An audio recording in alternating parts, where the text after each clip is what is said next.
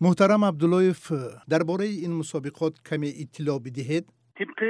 нақшаи чорабинҳои федерасияи байналмилалии самбо рӯзҳои ёздаҳам сенздаҳами феврал дар шаҳри минск ҷумҳурии беларуса мусобиқоти ҷоми кушодаи аврупо барои дарёфти ҷоизаи президенти ҷумҳурии беларус оид ба гӯшини самбои варзишӣ ва размӣ ва ҳамчунин миёни занон мусобиқот э, сурат гирифт. Бояд ёдовар шуд ки қаблан ин мусобиқот дар солҳои пешин э, мусобиқаи байналмилалӣ ва баъдан э, номи мусобиқот мусобиқоти марҳилаи ҷоми ҷаҳон ном гирифт. Ва имсол федератсияи байналмилалӣ самбо تصمیم گرفت که در منطقه ها مسابقات های جام جهان با نام همون مسابقات های جام کشاده اروپا یا که جام کشاده آسیا یعنی که برگزار نمود و از این خاطر این باری اول است که امسال طبق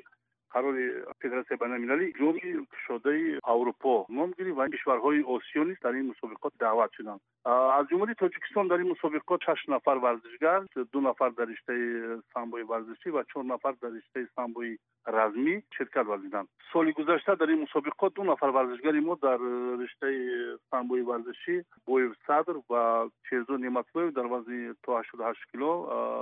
мақоми аввалу дуюмро соҳиб гардиданд و این سال تانو به یک ورزشگری ما میسر شد که در وزن 79 کیلو و نوبهارف رضوی که استاد ورزش می باشند در وزن 79 کیلو مقام سیم رو کسب کرد. و چند نفر آنها در این مسابقات به گرفتن جای پنجم یعنی که سزاوار گردیدند ضمنا این اولین مدال سمبوچیان توجیک در موسم امسال می باشد همینطور نه؟ بله بله این سال اولین مسابقات است که طبق نقشه چهاربینی های ورزشی همین فدراسیون بین المللی اولین مسابقات است که شروع شدن یعنی که از همین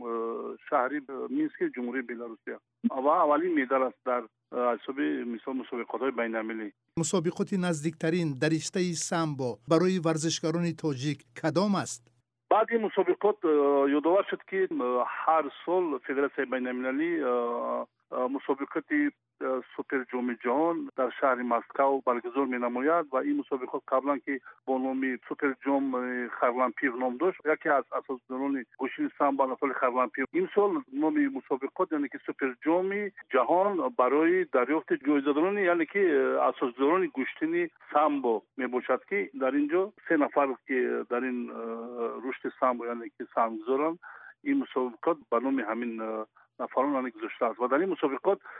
فکر می‌کنم که ورزشگران ما بیشتر شرکت میورزند قریب که یک دوازده نفر ورزشگر به نظر گرفته شده است. تشکر از شما.